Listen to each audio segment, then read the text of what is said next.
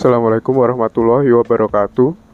Perkenalkan nama saya Faza Baktiar Zakawali, peserta Lasar CPNS 2021, golongan 2, angkatan 14, kelompok 1, instansi Inspektorat Pemerintah Kabupaten Tulungagung.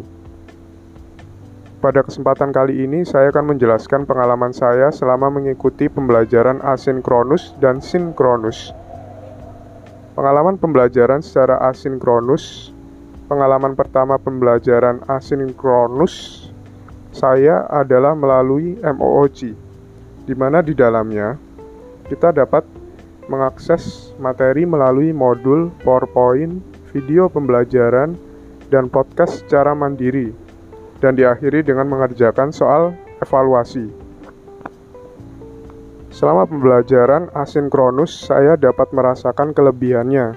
Di antaranya, pertama, akses materi MOOC dapat dilakukan kapan pun dan di mana pun.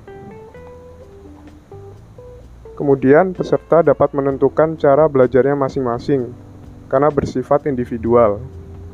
Selain memiliki kelebihan, saya merasakan beberapa kekurangan pada pembelajaran asinkronus.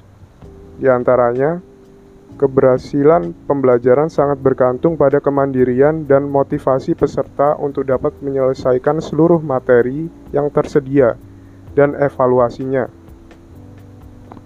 Serta terkadang merasa jenuh sehingga harus menciptakan metode belajar yang tepat untuk diri sendiri.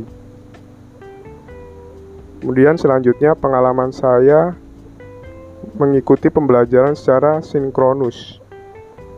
Pembelajaran secara sinkronus dilaksanakan pada saat distance learning secara daring melalui Zoom meeting. Dan kelebihan yang saya rasakan pada pembelajaran sinkronus adalah lebih aktif dalam diskusi maupun presentasi dalam Zoom meeting, sehingga keaktifan peserta dapat uh, dalam pembelajaran dapat terlihat secara langsung. Untuk kekurangan pembelajaran sinkronus menurut saya, Diskusi yang terkadang tertunda dikarenakan terbatasnya waktu Zoom meeting.